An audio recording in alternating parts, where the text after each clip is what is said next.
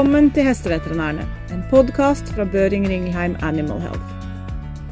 I denne podden snakker vi med spesialister fra forskjellige områder innen hest og veterinærmedisin, som deler den samme brennende interesse for hest som deg og meg.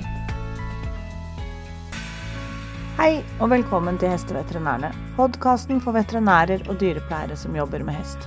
Jeg heter Katrine, og i de kommende episodene snakker vi denne gangen om stress hos hest. Hva det er, hvordan det uttrykker seg og hvordan vi kan forebygge det. Med seg for å snakke om dette har min kollega Maria Wilhelmsson Gemma Pearson. Gemma er veterinær og har en doktorgrad i stress hos hest. Hun har jobbet klinisk og forelest om atferdsmedisin og atferdsproblemer hos hest i mange år, og er en av de fremste ekspertene på dette området.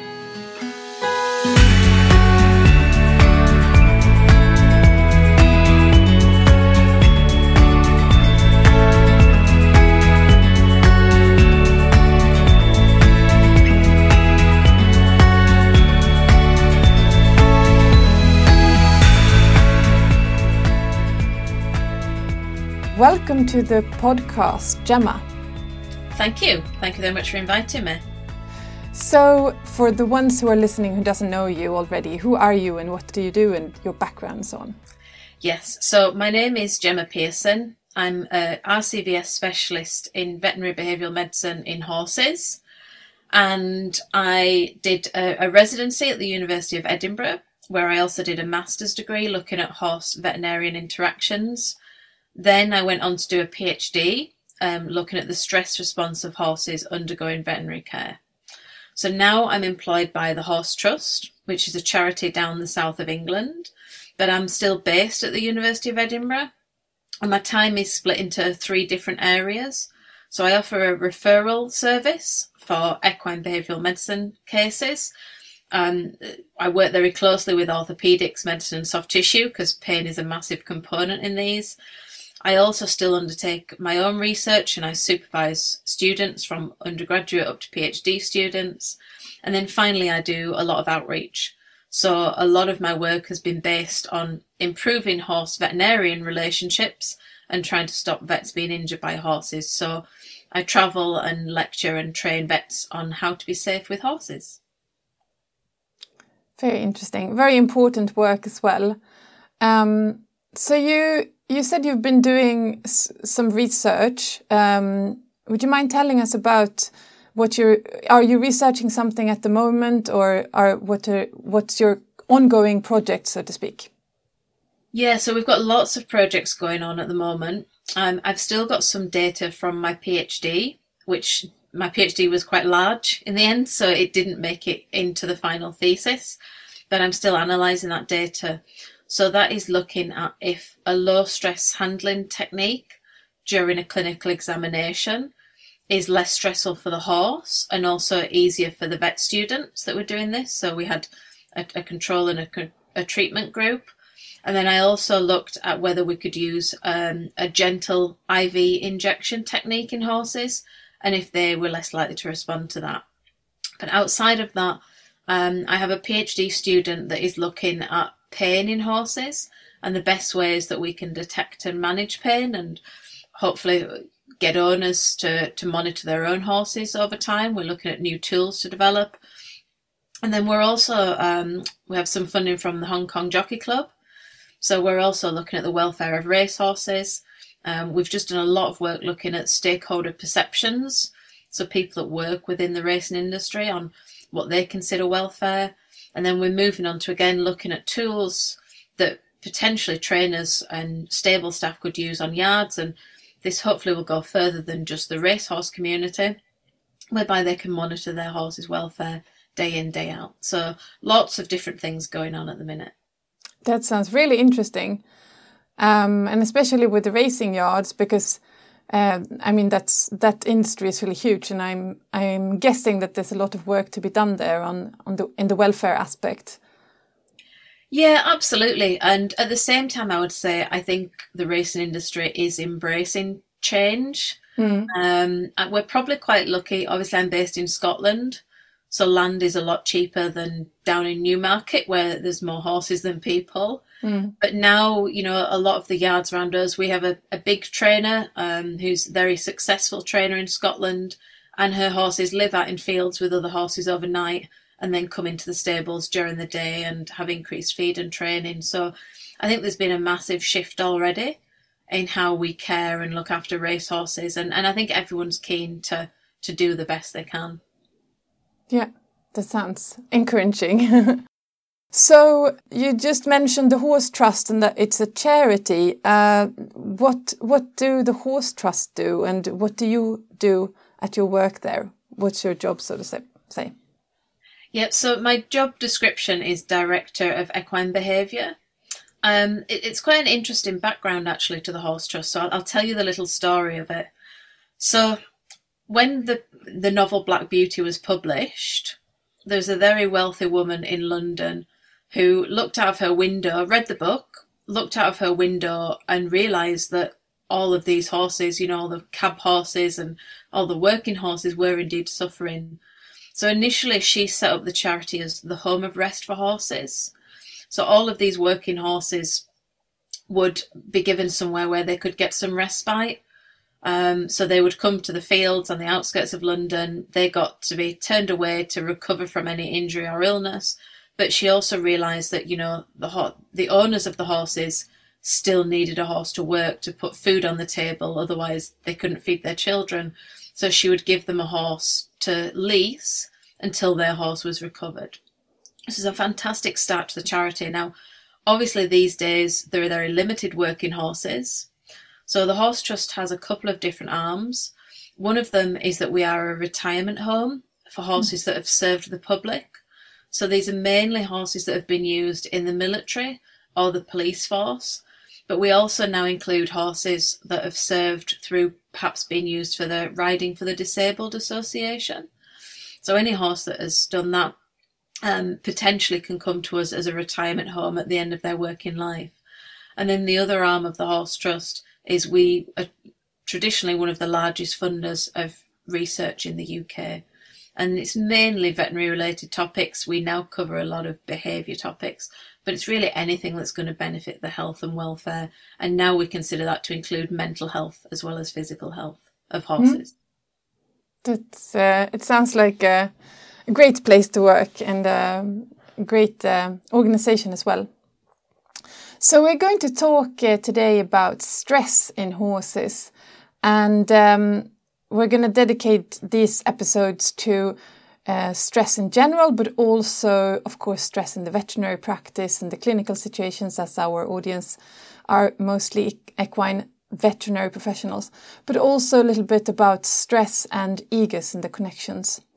Um, but we're going to start with, um, or I'm going to start by asking you, what is the actual definition of stress? Yeah, so that's a bit of a complex one because no one completely agrees on the definition of stress. But probably the closest we get is that it's an imbalance of homeostasis in the body. So, for example, if a horse is too hot, then obviously their internal body temperature is going to rise. That's going to cause a stress response. Now, the behavioral response would be to seek shade or to maybe find some water. But of course, there's also a physiological response to any stressor, and we call this the standardized stress response. So, this involves two arms the hypothalamic pituitary adrenal axis and also the sympathoadrenal um, medullary axis. And both of those two arms are activated for any stress response.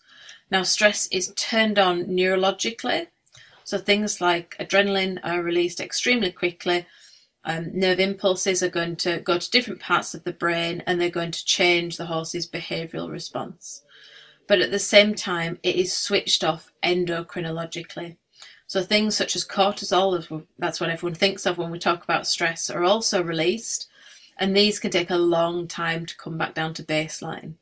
And this is probably important when we're considering working with horses in a veterinary environment because they can the stress response is turned on incredibly quickly, but it takes a long time to turn it off again. So we mm. want to really avoid it being turned on in the first place.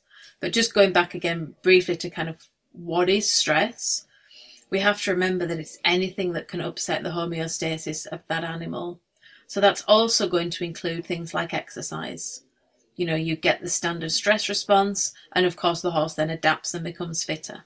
And that's one thing that can make it really hard to actually measure stress in horses. Now, in terms of some of the other terminology, we talk about the stress response as being the physiological response, also the behavioral response, and we talk about that being to a stressor. Mm. So, a stressor is anything which is going to cause these responses.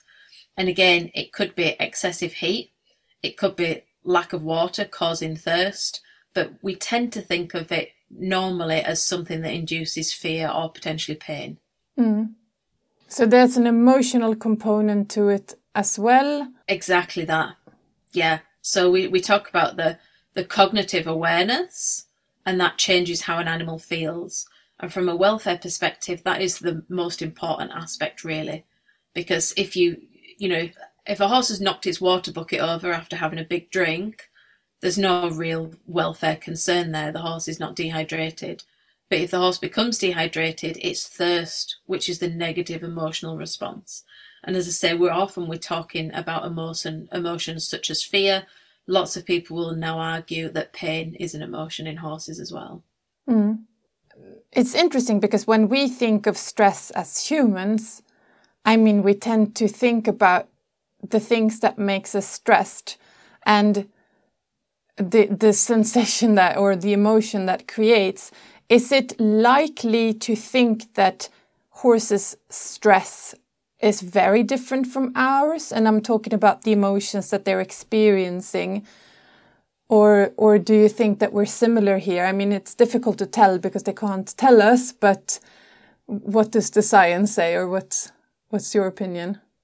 Yeah i i would say it's probably very similar in terms of how you feel emotionally, the biggest difference would be that horses live in the moment. So they can't reflect on things that have happened in the past. And perhaps that is one area um, which makes it harder for people because you can have an argument with someone and you go home and then later on you think about that argument again and you get stressed all over again because you're reliving it essentially. So we know that horses don't, you know, reflect on things in the past or think about things in the future. They're just responding in the moment. But how they feel in a situation of stress would probably be similar across most species. Mm.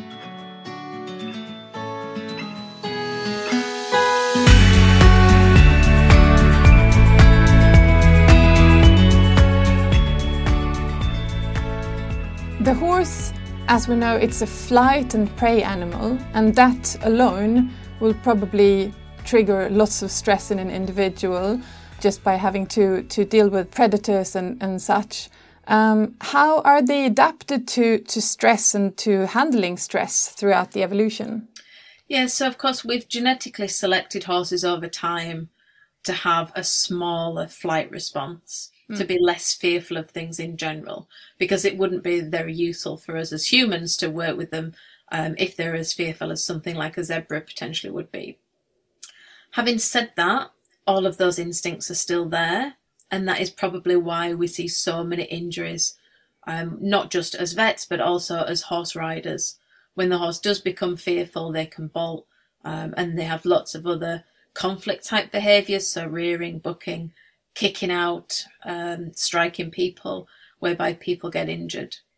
And it's probably worth mentioning that, again, you know, the behavioral response to a stressor can be split into different segments. And we often think about the fight or flight response. That is what we're all taught at school, isn't it? But it's just maybe slightly more complicated than that. So, first of all, we need to consider in the veterinary environment that normally what so a horse in the wild you want to avoid having to gallop away from something. Because if you do you've probably got too close to being eaten and you're using a lot of energy up galloping away. So whilst that's always an option they tend to avoid things in the first instance. So certain areas that may be more dangerous they're going to just quietly avoid. If that's not an option for them they're always going to resort to flight. Now when we're dealing with horses vets most of the time, the horse is restrained in some form, even if that's just having a head collar and lead rope on them. So that is going to change the behavioral response which is available to them at that moment in time. And that means that the horses, um, you know, flight is not an easy option for them, and certainly avoidance is definitely not an easy option for them. And I would say I've only ever seen horses resort to fight type responses when they have no other options. Mm. So even something as simple as if you're working with a horse in the stable that's maybe a little bit needle shy, try and work with it at the front or in the centre of the stable. So if the horse becomes fearful, they can back away from you. Whereas by the time you get them into the corner and the horse can't go anywhere else, the only option they have left is a fight response. Now, I'm also just going to take this a little bit further because we've mentioned fight or flight, but I think there are two other F's that we should be considering as well. So the third one is fidgeting. And I think this is something that we see in our horses when we're preventing flight. So maybe the horse is being held by a technician or a nurse, and the horse that was perfectly fine, then the vet perhaps comes in to, to do something with them or they go into a new area. They have a mild stress response. So all of a sudden, this horse feels the need to rub its head up and down the person, which can be very um, frustrating for the person. It might need to sniff the floor. It might need to scratch itself. It might suddenly need to rub its nose on its leg. And we should just recognize that these are fidget type responses. This is the horse's way of saying, I'm not coping very well with this situation and I'm going to actively do something about it to try and help myself cope with this stressor that I can't escape from. So that's three F's. And all of those are what we would class as a proactive coping mechanism. So when subject to stress, the horse is actively doing something to either get away from it, make which would be the case of flight, make it get away from the horse, which is the case of fight, or to just cope with the stress that's there, which would be the fidget response. But there's another side of the coin as well, and this is the reactive coping mechanism. Now, at one stage, people used to call this passive coping because they used to say, well, it's an, an animal that doesn't do anything, a freeze response. And actually, one of the reasons we changed that was because once you get to a threshold, they do react. But if you consider a different species, like a rabbit in the headlights, it freezes. It just stops offering any behaviours whatsoever, and it hopes that whatever the stressor is that it feels threatened by is going to go away again and not bother it anymore. But if you get close enough to that rabbit, if you walk up to it, at some stage that rabbit will think, no, th- this isn't going to be an effective strategy, and then they'll suddenly run away. And I think we miss the freeze response in horses as vets. I'll sometimes speak to vets that say, well, the horse was stood still, and then all of a sudden it exploded when I did something. And I think, well, that horse probably wasn't stood calm and relaxed unless you did something extremely painful that horse was probably stood there in a freeze response, so tense musculature, not really moving very much at all, and then it got to that threshold whereby it suddenly had to react. Mm. So, I mean, these are all behaviors that you're describing. They're all, I think everyone who handles horses can recognize it. But is so first of all this this fidgeting response that you describe i mean i think most owners and perhaps also, or likely also vets would say that this is something that they just do because they're bored or, you know, because they just need something to do while standing there, just like we would rub our hands or, you know, do something with our fingers.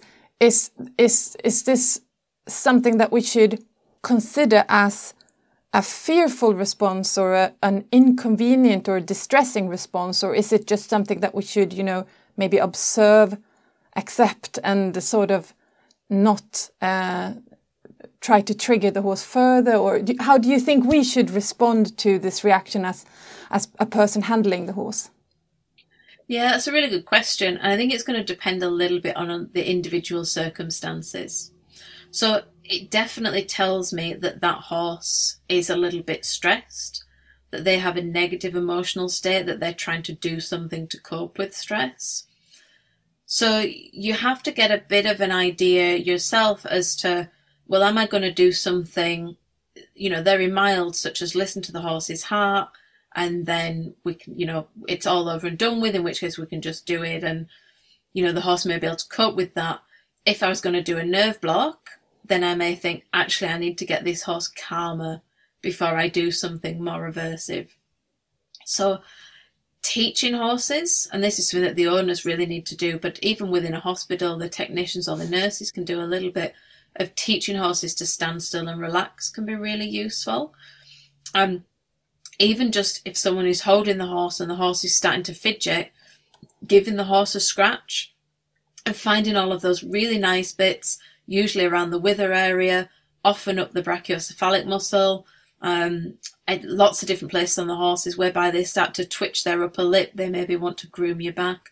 We know that that lowers the horse's heart rate by up to 10 beats per minute. We know that it's activating the parasympathetic nervous system, so it's inducing relaxation.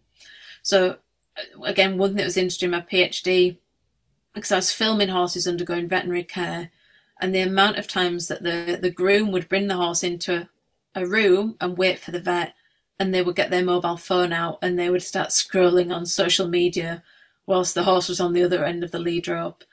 And actually, you know, rather than doing that, if they spend some time quietly stroking, finding some nice scratchy spots for the horse, that's really helping the horse to calm down and relax. And that's going to set it up for success with mm-hmm. whatever we plan to do to it next. So it's it's something that we should respond to by trying to make the horse calmer, really. Yeah, definitely. So, if you look at it, I mean, the modern horse and modern stabling, for instance, it's easy to imagine that there are a lot of situations and a lot of environments and similar that, that can be a stressor to a horse. But which stresses would you say, both in in the horse's sort of day to day environment, uh, in modern stabling and such, but also when it comes to in the veterinary uh, clinic settings, which situations, in your opinion, is the most stressing uh, for a horse? Yep. Okay. So the first thing that we need to remember is whether or not um, a, a, stimulus is perceived as a stressor or not is depends on the individual perception of that horse. So you may think that it's only something that may cause harm to a horse, which is going to cause a stress response, but it's the perception of whether it may cause harm or not. And you think, well, that's a little bit silly. Surely, you know, if we're not hurting the horse, then they should get used to it. They shouldn't find it stressful. Let's give you a human example. How many people do we know that are scared of spiders? And how many of those people have been physically harmed by a spider? Mm. Usually none of them. Um, this this question doesn't work quite as well if I'm in somewhere like Australia, where there are poisonous spiders. But generally speaking, we are very intelligent human beings. We know that that tiny money spider can't do us any harm whatsoever, and yet we still experience a fear response. So we still, and this is because it's our perception that that's something that may cause us harm. So it triggers the amygdala in the brain, which is the fear center. And then the person will jump up on a chair, they will throw something at the spider, they will run away. And because you practice the behavioral response of being fearful, then it then consolidates in your brain that this is a, a, fearful experience and that there's the potential for that spider to cause you harm.